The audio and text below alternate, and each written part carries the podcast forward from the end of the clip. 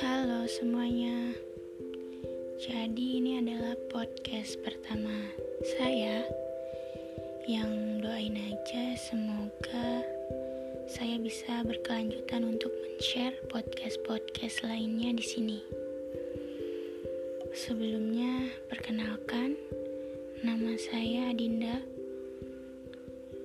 Saya masih duduk di bangku SMA tepatnya kelas 2 SMA. Jadi di sini saya mau nge-share tentang diri saya sendiri. Saya ini orang yang suka bersuara tapi sulit untuk speak up tentang apa yang saya suarakan kepada orang lain. Jadi, melalui podcast ini semoga saya bisa mensuarakan suara saya di sini. Dan semoga kalian suka dengan podcast ini.